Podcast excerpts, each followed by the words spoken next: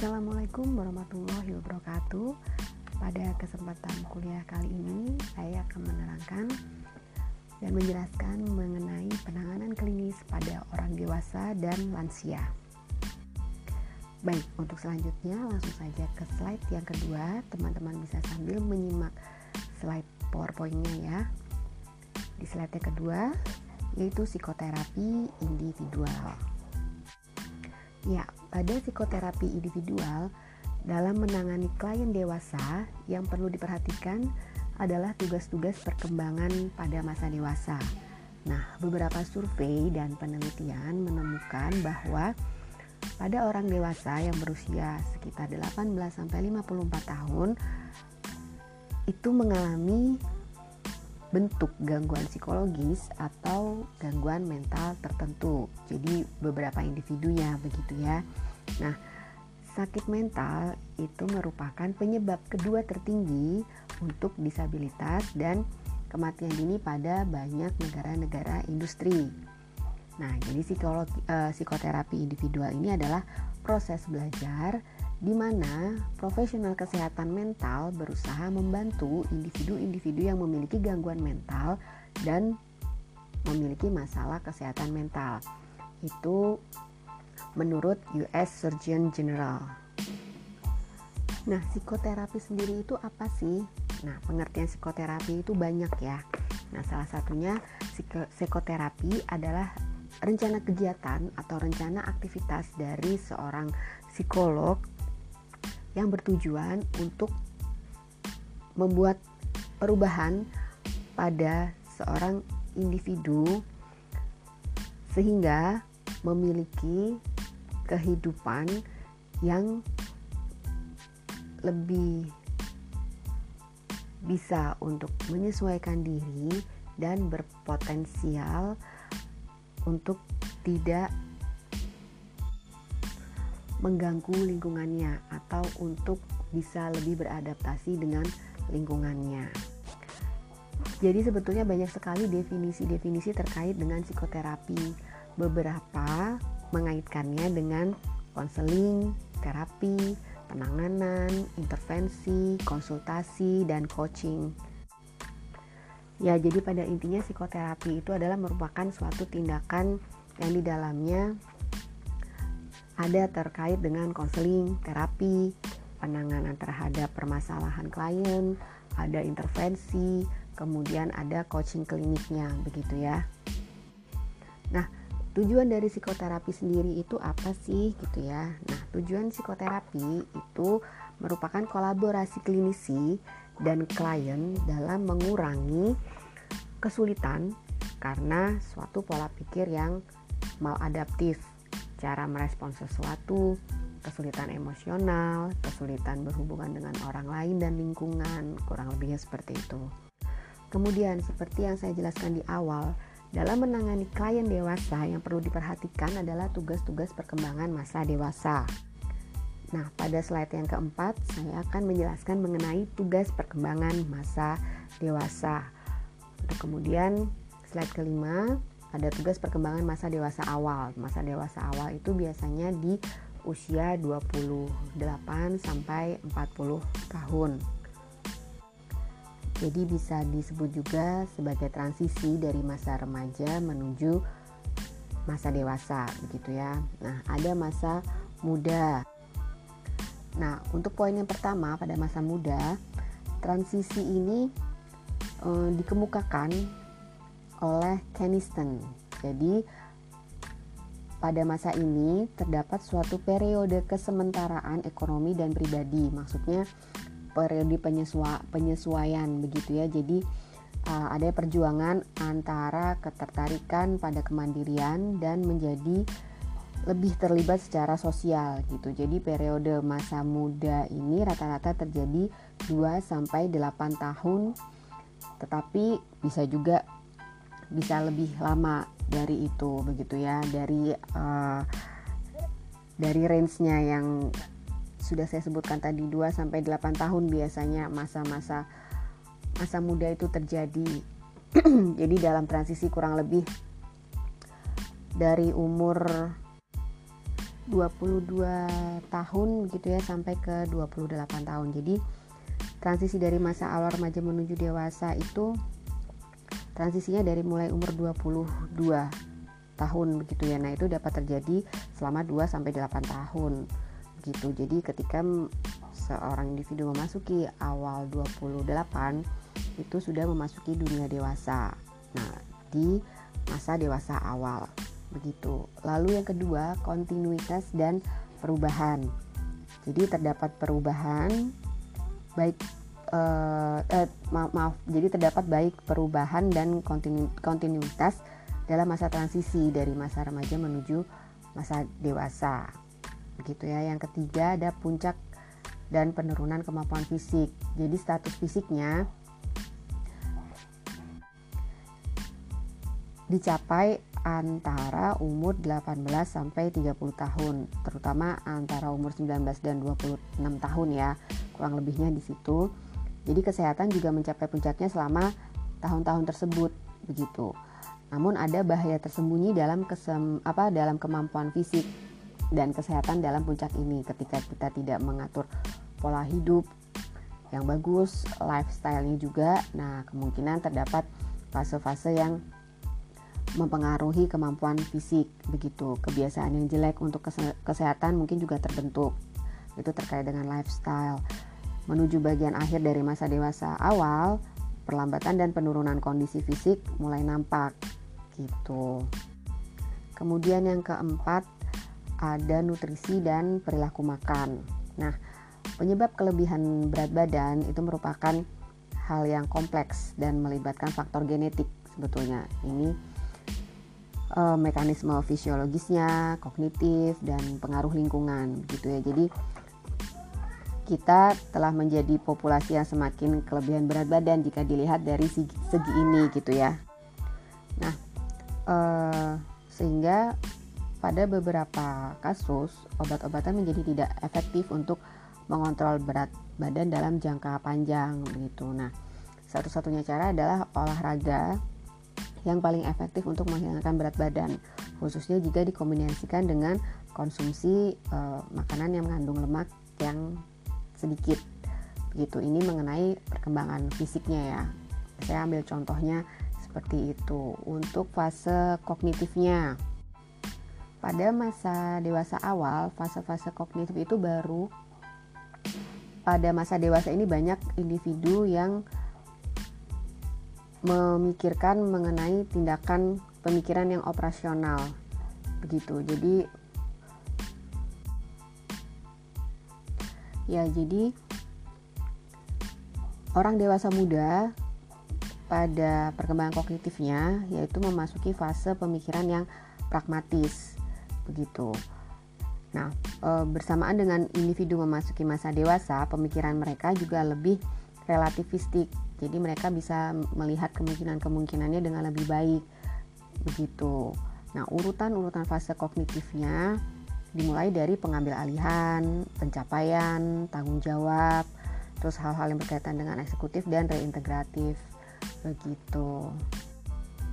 Dalam hal karir dan kerja pada poin yang keenam itu pada usia dewasa muda mengenai sisi kreativitasnya produktivitas tertinggi dari kerja yang hebat tampaknya memang terjadi pada usia ini begitu ya di usia kurang lebih 30 tahunan.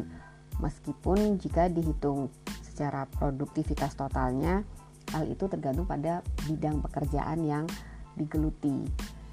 Itu lalu selanjutnya gambaran nyata di masa dewasa terkait karir dan kerja itu tergantung dari seleksi dan penerimaan kerja, penyesuaian diri, pemeliharaan dan berbagai pilihan karirnya gitu ya. Jadi orang muda harus mengeksplorasi berbagai pilihan karirnya untuk menunjang kehidupan di masa selanjutnya gitu. Lalu kalau dari sisi uh, perempuan dan kerja, maksudnya perempuan dan dunia kerja.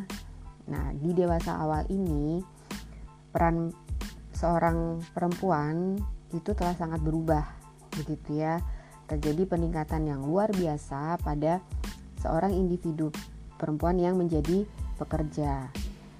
Jadi uh, perempuan di sini telah meningkatkan keberadaan dalam pekerjaan yang sebelumnya didominasi oleh laki-laki. Gitu. Namun, ketika banyak perempuan mengejar karir, mereka menghadapi masalah yang menyangkut karir dan keluarga. Karena di dalam usia-usia ini pasti sudah menuju ke jenjang yang lebih serius dan uh, memiliki sebuah hubungan keluarga, begitu ya dengan uh, pasangan hidupnya. Nah, perkawinan dengan karir yang ganda ini menyeb dapat menyebabkan satu keuntungan dan juga dapat menyebabkan stresor lain gitu. Nah, di sinilah banyak terjadi kondisi yang kurang hmm, kurang menguntungkan, kurang mengenakan jika seorang individu kurang dapat beradaptasi terhadap perannya begitu. Maka terjadilah kondisi-kondisi psikologis tertentu yang menyebabkan suatu stresor yang berlebihan jika tidak disikapi dengan coping coping stresnya yang baik gitu dengan penyelesaian masalah yang baik. Lalu untuk selanjutnya ada tugas perkembangan masa dewasa tengah. Masa dewasa tengah itu sekitar usia 45 tahun sampai 60 tahun. Yang pertama sudah terjadi perubahan fisik, adanya kemunduran dalam penglihatan dan pendengaran dan individu menjadi lebih pendek. Lebih pendek maksudnya secara uh, proporsi tubuhnya begitu ya. Ada teori yang mengatakan jika uh, seorang individu bertambah usianya maka uh, secara fisiknya mereka akan bertambah lebih pendek begitu lalu selanjutnya yang kedua ada pola perilaku tipe A pada pola, uh, pola perilaku tipe A ini, sekelompok karakteristik yang sangat kompetitif, kehendak yang kuat, tidak sabar, dan bermusuhan yang dikaitkan dengan penyakit jantung. Nah, jadi pada tugas perkembangan masa dewasa tengah, dalam hal gaya hidup, kepribadian, dan kesehatan, itu ada yang dinamakan pola perilaku tipe A yang uh, di poin yang kedua ya. Jadi jantung dan arteri pembuluh darah menjadi kurang efisien pada masa dewasa tengah begitu. Dan penyakit kardio apa uh, kardiovaskular merupakan penyebab nomor satu dari kematian. Nah, pola perilaku tipe A ini meliputi sekelompok karakteristik sangat kompetitif, kehendak yang kuat, tidak sabar dan bermusuhan yang dikaitkan dengan penyakit jantung. Jadi pola tipe A itu adalah kontroversial dengan sebagian beberapa peneliti gitu ya berpendapat bahwa hanya komponen-komponen yang khusus dari kelompok tersebut itu misalnya permusuhan diasosiasikan dengan penyakit jantung. Makanya kenapa ketika ada seseorang yang kurang dapat beradaptasi dengan baik dengan lingkungannya, misalkan punya punya ambisi yang kuat, Eh, nggak uh, sabaran, terus cenderung bersikap ber bermusuhan, itu bisa dikategorikan sebagai individu yang memiliki pola perilaku tipe A ini, gitu. Jadi kecenderungannya memiliki penyakit-penyakit kardiovaskuler yang terkait dengan jantung dan arteri pembuluh darah, biasanya seperti itu. Lalu yang ketiga ada pola perilaku tipe C. Tipe C ini mencakup menahan diri, gelisah, kekurang mampuan dalam ekspresi serta terpaksa. Maksudnya bagaimana? Nah, maksudnya adalah dalam gaya hidup, kepribadian dan kesehatan pada perilaku tipe C ini itu merujuk pada kepribadian yang cenderung menderita kanker yang mencakup uh, jadi se seorang individu itu lebih cenderung menahan diri, memiliki mem memiliki kegelisahan gitu ya, kekurang mampuan dalam ekspresi serta terkadang cenderung merasa terpaksa begitu. Jadi tipe individu ini lebih cenderung menderita kanker daripada orang yang lebih ekspresif. Nah, kurang lebihnya begitu. Lalu yang selanjutnya ada perubahan biologis. Jadi pada masa dewasa tengah, perubahan biologis itu salah satunya adalah menopause gitu ya. Nah, menopause ini merupakan suatu tanda yang memberi signal berhentinya kemampuan untuk melahirkan anak begitu ya. Makanya kenapa dalam masa-masa ini adalah masa yang rawan dalam produktivitas seorang wanita begitu. Nah, biasanya hal tersebut datang pada akhir usia 40-an dan di awal usia 50-an. Nah, sebagian besar perempuan tidak memiliki masalah yang substansial sebetulnya dengan menopause.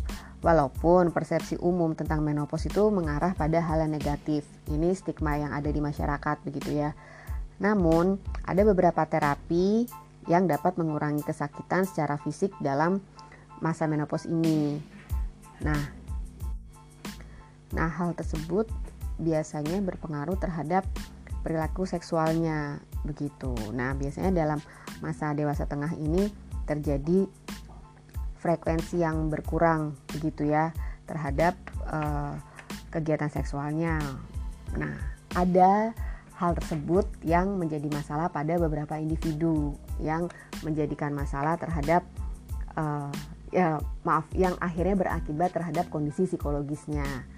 Nah, jadi penanganan terhadap orang dewasa dan lansia itu kita pertama harus mengerti dulu pola perkembangannya seperti apa nih tugas perkembangannya seperti apa nah tugas perkembangan ini adalah suatu hal yang sebaiknya atau idealnya bisa terlewati dengan baik oleh seorang individu begitu jadi stepnya nih kalau teman-teman di usia kurang lebih mungkin 18 19 ya atau uh, ya 18 19 mungkin 18 sampai 20 nah itu kan transisi dari masa remaja ke dewasa begitu.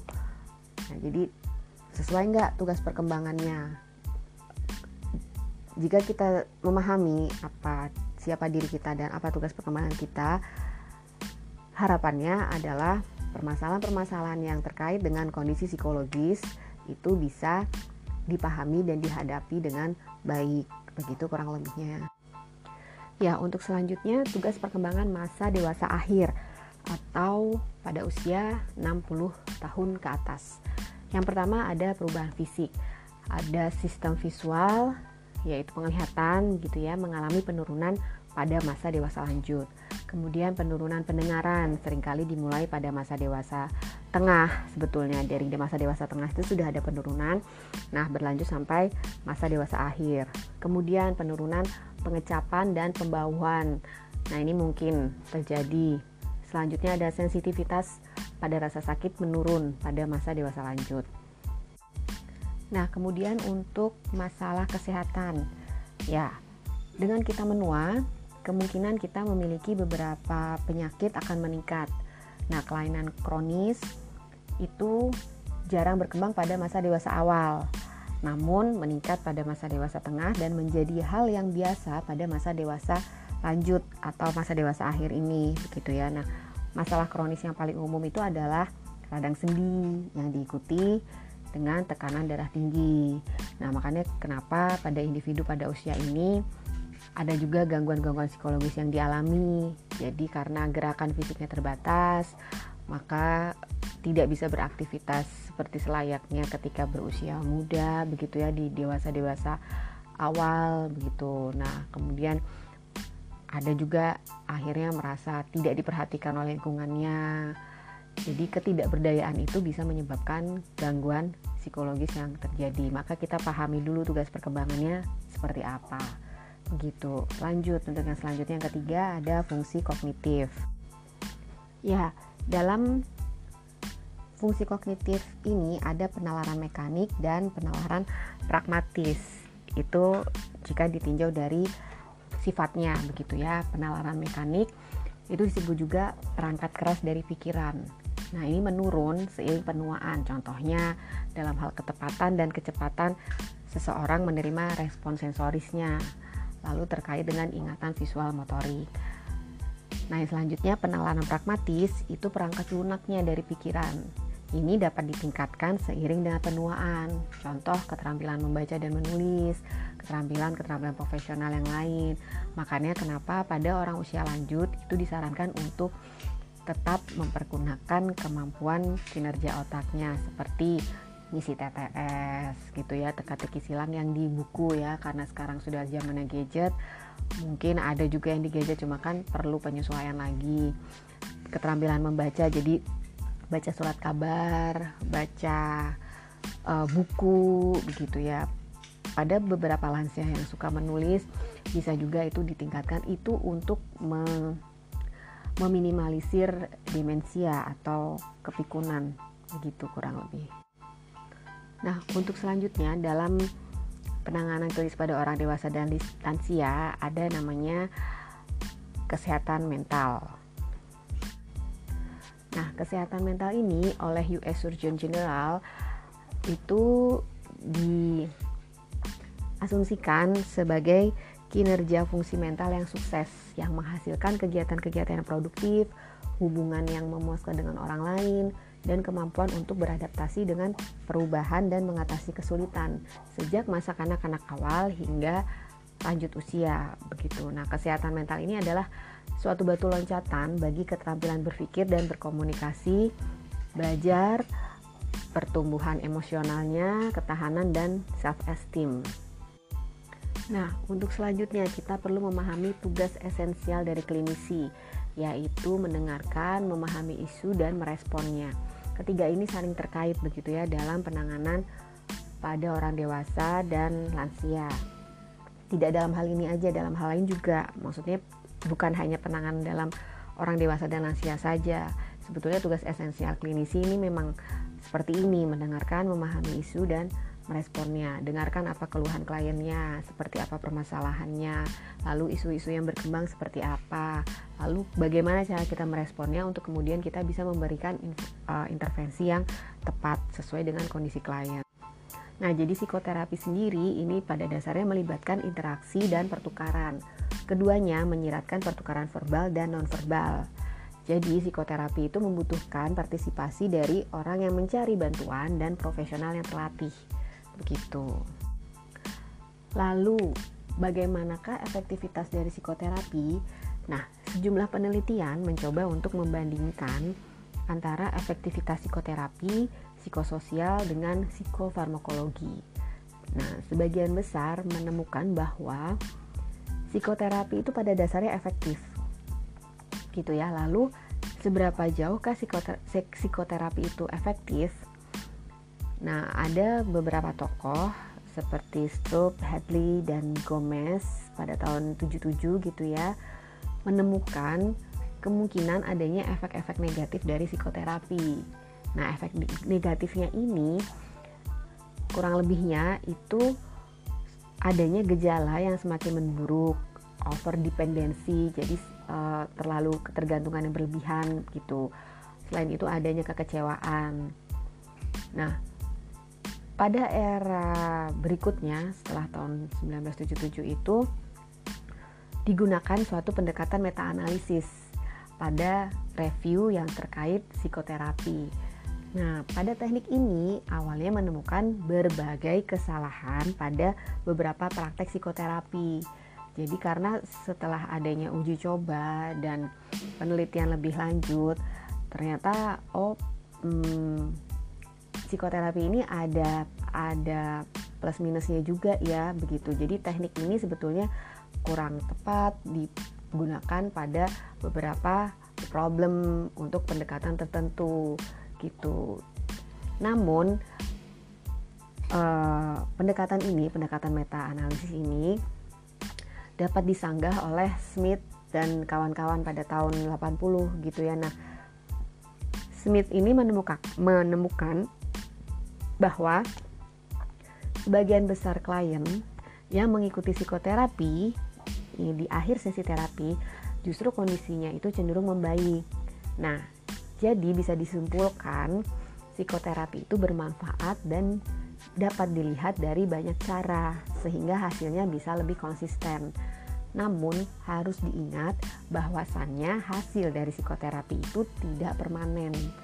Jadi efek untuk semua penanganan itu kurang lebihnya hampir sama. Kembali lagi ke diri klien masing-masing. Begitu. Hasil yang baik ini misalkan terjadi suatu perubahan yang baik pada kondisi setelah psikoterapi itu tetap saja dapat apa e, memperoleh kritik dari dari beberapa uh, tokoh gitu ya. Jadi tadi kan meta analisis sudah dicobakan untuk psikoterapi ternyata menemukan beberapa kesalahan dalam prakteknya. Nah, hal ini disanggah oleh Smith. Nah, Smith mengatakan bahwa sebagian besar klien bisa kok di akhir sesi terapi itu kondisinya cenderung membaik. Intinya eh, hasilnya itu bisa konsisten gitu, tapi tidak permanen. Nah, kemudian hasil ini walaupun hasil yang baik ini namanya juga penelitian begitu ya pasti ada pro kontranya pasti ada hasil-hasil yang kurang maksimalnya. Nah kemudian hasil yang baik ini tetap mendapatkan kritik salah satunya dari Landman dan uh, Dewes gitu pada tahun 82 nah mereka mengatakan bahwa meta analisis yang dilakukan tidak random dan cenderung melakukan kategorisasi masalah.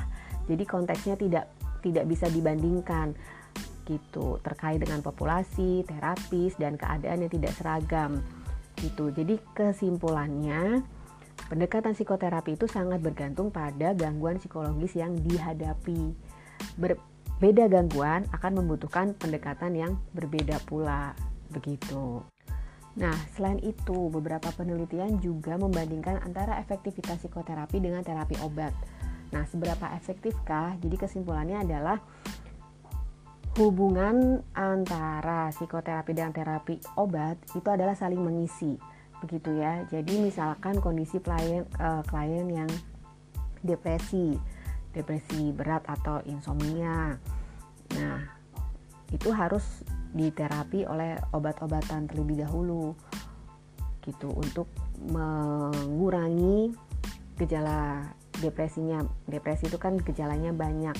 Misalkan dia tegang dia akhirnya berakibat jadi tidak bisa tidur, insomnia, lalu kalau misalkan skizofrenia dia jadi wahamnya jadi berbeda-beda, lalu ada histerianya misalkan. Nah itu kita turunkan dulu ke jalannya dinormalkan dulu dengan terapi obat. Setelah itu baru tugas psikolog dalam uh, ranah ini adalah memperbaiki kondisi psikologisnya gitu. Jadi antara psikoterapi dan terapi obat itu saling mengisi gitu. Kemudian pada suatu survei kepuasan konsumen terhadap psikoterapi begitu ya ditemukan bahwa kompetensi terapis gelar, pilihan terapi dan lamanya terapi itu menjadi suatu indikator dalam menentukan tingkat kepuasan klien terhadap psikoterapinya. Nah, e, keberhasilan terapi itu juga sangat ditentukan oleh karakteristik klien. Klien yang berhasil adalah klien yang tekun dan memiliki usaha yang keras untuk sembuh. Gitu. Jadi semua proses psikoterapi, intervensi psikologis itu kembalinya adalah ke kliennya ada keinginan dan tekad untuk sembuh nggak? Tugas psikolog itu hanya mengarahkan membantu memecahkan masalah. Jadi kita hanya meliding uh, kira-kira klien ini mau gimana mau dengan cara seperti apa penyelesaian masalahnya kita hanya mengarahkan. Untuk selanjutnya kita kembalikan lagi ke kondisi klien apalagi jika menangani orang dewasa dan lansia. Dengan pengalaman hidup yang sudah dimiliki dengan kapasitas kognisi yang sudah mungkin jauh lebih mature, lebih dewasa dan le jauh lebih dari usia seorang psikolognya misalkan. Jadi misalkan saya menangani lansia atau menangani orang dewasa yang lebih uh, usianya dari saya, jadi kita lihat dulu latar belakangnya gimana, kita ikutin dulu maunya gimana ini, jadi kita arahkan pemecahan masalahnya, kira-kira intervensinya seperti apa, untuk kemudian nah keberhasilannya tergantung karakteristik kliennya. Apakah klien ini mau kooperatif, bisa berkoordinasi dengan baik? Klien-klien saya yang bisa uh, mereka mempunyai keyakinan dan menerima dirinya, memahami masalahnya, kurang lebihnya akhirnya pasti selesai dengan baik permasalahannya. Begitu. Lalu untuk kemudian, nah karakteristik terapis. Terapis yang berhasil itu adalah terapis yang memiliki beberapa karakteristik kurang lebihnya punya kompetensi, pengalaman dan sikap. Seperti apa? Yang pertama, beranggapan positif tanpa syarat. Jadi terhadap klien itu kita tidak boleh wah jangan-jangan ini kliennya begini nih. Wah iya aja uh, mereka begitu karena hubungannya emang dasarnya udah nggak baik. Misalkan hubungan klien permasalahan rumah tangga misalnya kalau memang hubungan sama suami emang nggak baik kok emang ibunya terlalu dominan kok nah kita nggak boleh seperti itu. Jadi anggapannya harus positif gitu. Lalu yang kedua menganggap masalah klien itu benar-benar nyata. Jadi kita bisa melihat secara lebih eh, objektif gitu ya. Pemahaman bahwa klien menganggap dunianya nyata itu juga perlu diperlukan oleh seorang terapis. Selain itu yang keempat yakin mampu membantu klien. Nah ketika kita dalam kondisi yang uh, kurang baik, kurang baik dalam arti uh, psikolog atau terapis itu kan juga manusia ya. Kita juga memiliki permasalahan-permasalahan yang pada dasarnya kita sendiri juga memerlukan coping stress begitu. Ketika kita dalam kondisi yang tidak baik, nah kita usahakan dulu kita bisa memilah ini. Kita akan menghadapi klien, kita akan menghadapi pasien begitu berarti uh, kondisi saya harus uh, siap dulu gitu. Ketika memang kita merasa tidak mampu, oke okay, mungkin bisa di reschedule atau bisa dialihkan ke tenaga profesional yang lain. Selain itu, terapis juga harus bertanggung jawab. Nah, terapis juga manusia. Nah, seperti yang saya katakan tadi, kita juga memiliki latar belakang, kita memiliki istilahnya kepribadian masing-masing, kehidupan dan permasalahan sendiri. Jadi tidak menutup kemungkinan kita juga sebetulnya memiliki permasalahan yang sama dengan klien mungkin. Nah, jadi ketika kita menghadapi klien, pastikan dulu kita dalam kondisi yang baik begitu. Lalu, karakteristik terapis harus memiliki keinginan untuk menolong begitu. Dan memberikan penjelasan singkat yang bisa mendorong klien mendapatkan insight atau mendapatkan pencerahan mengenai permasalahan yang terjadi. Lalu untuk selanjutnya dalam penanganan klien dewasa dan lansia itu bisa diterapkan melalui psikoterapi kelompok. Jadi faktor-faktornya apa aja nih? Ada imparting information. Jadi setiap anggota kelompok itu bisa saling bertukar informasi yang penting satu dengan yang lain. Ada instilling hope yaitu memunculkan harapan pada masing-masing individu di dalam kelompok bahwa gejala atau masalah yang mereka hadapi itu bisa terselesaikan. Jadi antara anggota kelompok itu saling menguatkan gitu ya. Yang ketiga ada universal, uh, universality. Nah, di sini setiap anggota memahami bahwa masalah yang mereka hadapi itu bersifat umum dan bisa dirasakan oleh siapa saja, tidak hanya sendiri. Jadi, yang menghadapi masalah gitu tuh nggak cuma kamu aja kok, kita juga di sini bisa merasakan atau mengalami masalah hal yang sama begitu.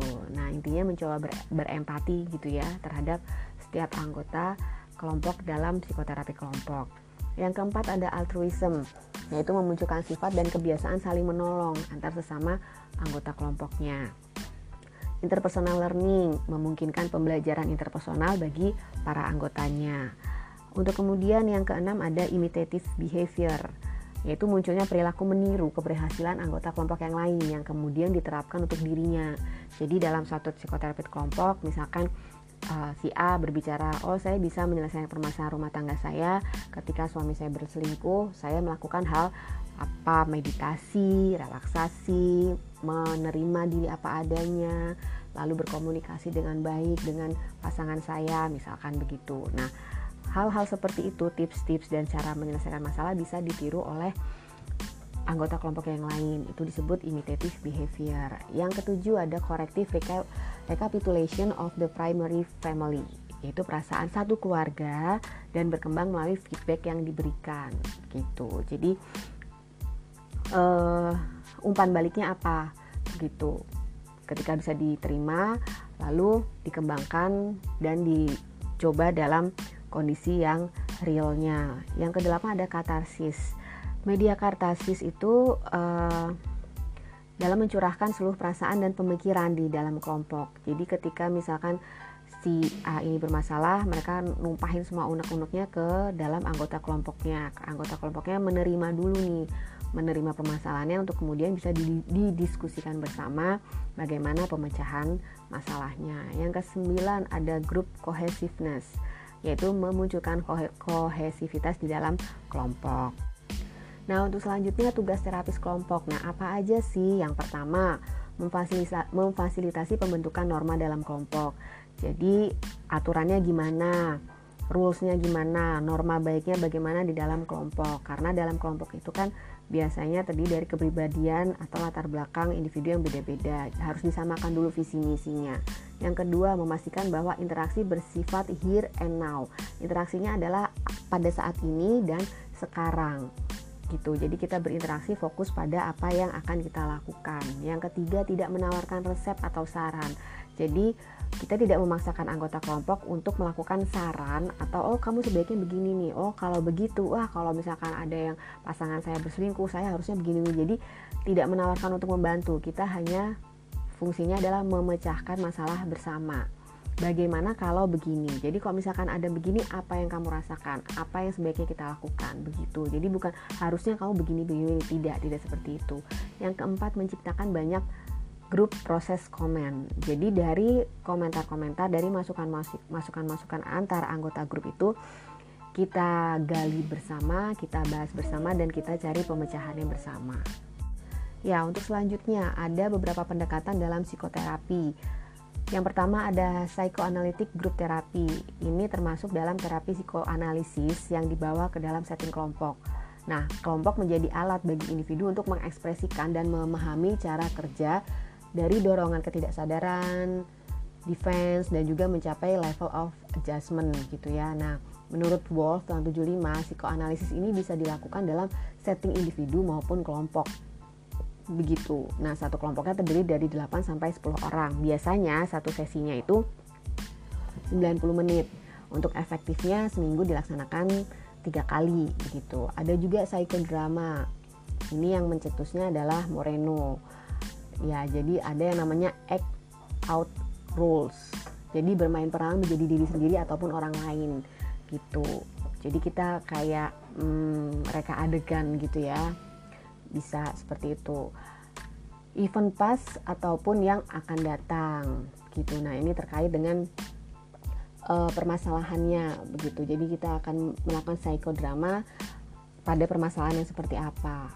Lalu psikodrama ini adalah sebagai media katarsis ada yang spontanitas kita bisa mendapat insight dan self understanding kita bisa lebih memahami diri kita sendiri. Komponennya itu ada pasien, ada stage, ada sutradara, ada auxiliary ego dan audience gitu. Jadi memang benar-benar di setting gitu. Kayak ya kayak kita mau bikin sinetron, mau bikin drama, mau apa itu kan ada urutan kejadiannya gitu ya. Nah, dari dari situ bisa menjadi media psikoterapi. Yang ketiga ada transaksional analisis. Tokohnya ada Eric Berne tahun 1961. Jadi ego state kita itu parent, adult, dan child gitu ya. Nah, lalu ada positif negatif. Keuntungannya action oriented approach. Jadi kita pakai pendekatan yang sesuai dengan permasalahan gitu. Jadi kita mendekati masalahnya masalahnya apa terus kita cobakan di situ gitu present fokus aura responsibility belajar memilih options gitu selanjutnya ada kelemahan. Jadi kelemahannya kelemahannya dari transaksional analisis ini adalah permasalahan itu kompleks karena kurangnya riset gitu ya terhadap permasalahan yang terjadi. Yang keempat ada Gestalt Group tokohnya yaitu Fritz Perls. Dalam Gestalt Group itu lebih menekankan kepada kesadaran. Now pada saat ini yang dirasakan gimana seharusnya bertindak bagaimana. Jadi apresiatif terhadap self terhadap diri kita sendiri. Gitu. Terus lalu diadakan role playing reporting dreams dialog dengan pasien gitu ya. Jadi mimpi-mimpi kita apa itu dilaporkan. Lalu bisa juga role playing gitu. Efektivitasnya itu sulit diukur. Karena terkait dengan prosedur terus uh, pengukuran emosinya gitu. Yang kelima ada behavior therapy group. Nah ini lebih efisien. Jadi menjalankan desensitisasi, ada latihan relaksasi, ada mengatasi kecemasan dalam setting kelompok gitu. Nah, untuk selanjutnya ada pengaturan dalam psikoterapi kelompok. Biasanya itu terdiri dari 5 sampai 10 orang per pasien. gitu jadi satu grup itu 5 sampai 10 orang seminggu sekali lamanya 90 menit sampai 2 jam per sesinya jadi sistemnya uh, duduk melingkar begitu ya atau mengelilingi meja komposisinya beragam homogen atau heterogen. Jadi dengan permasalahan yang sama atau permasalahan yang berbeda. Bisa juga dengan uh, dari jenis kelamin yang sama atau berbeda. Jadi bisa sama, bisa berbeda. Yang misalkan perempuan-perempuan semua, laki-laki semua dengan kondisi uh, permasalahan yang sama begitu. Ada sesi individu di luar sesi kelompok dengan terapisnya gitu ya. Bisa bisa diterapkan dengan leader maupun tidak ada leader.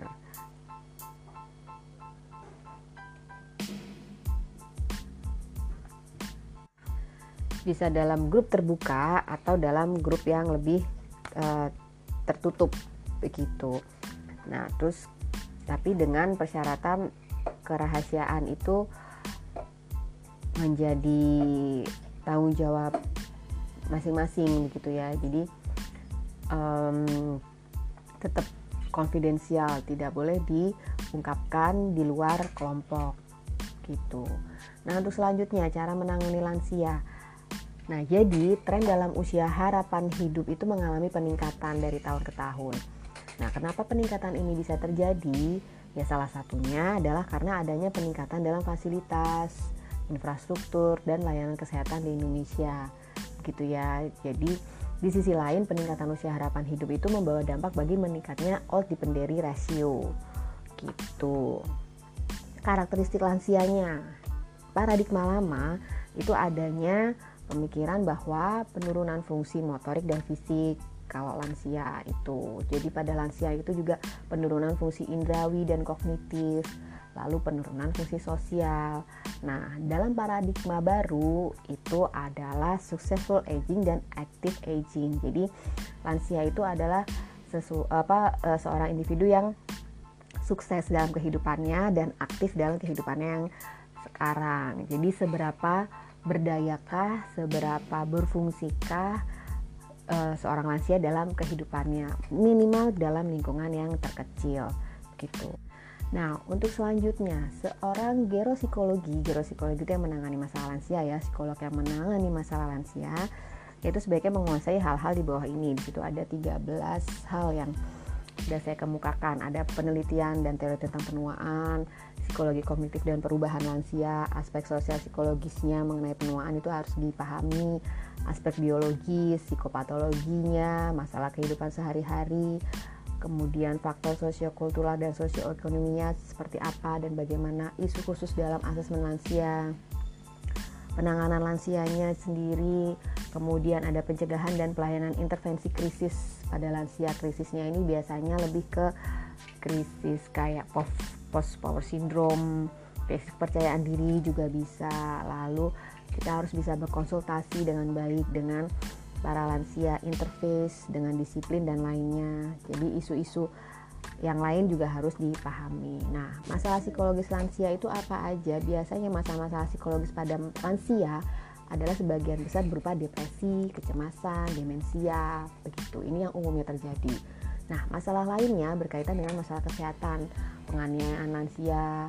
Mungkin teman-teman pernah membaca kasus seorang ibu dituntut oleh anaknya yang akan dipenjarakan. Banyak ya kasus-kasus seperti itu penganiayaan fisik karena secara finansial sudah tidak berdaya lagi begitu ya. Kasus-kasus finansial hak waris lah dan segala macam.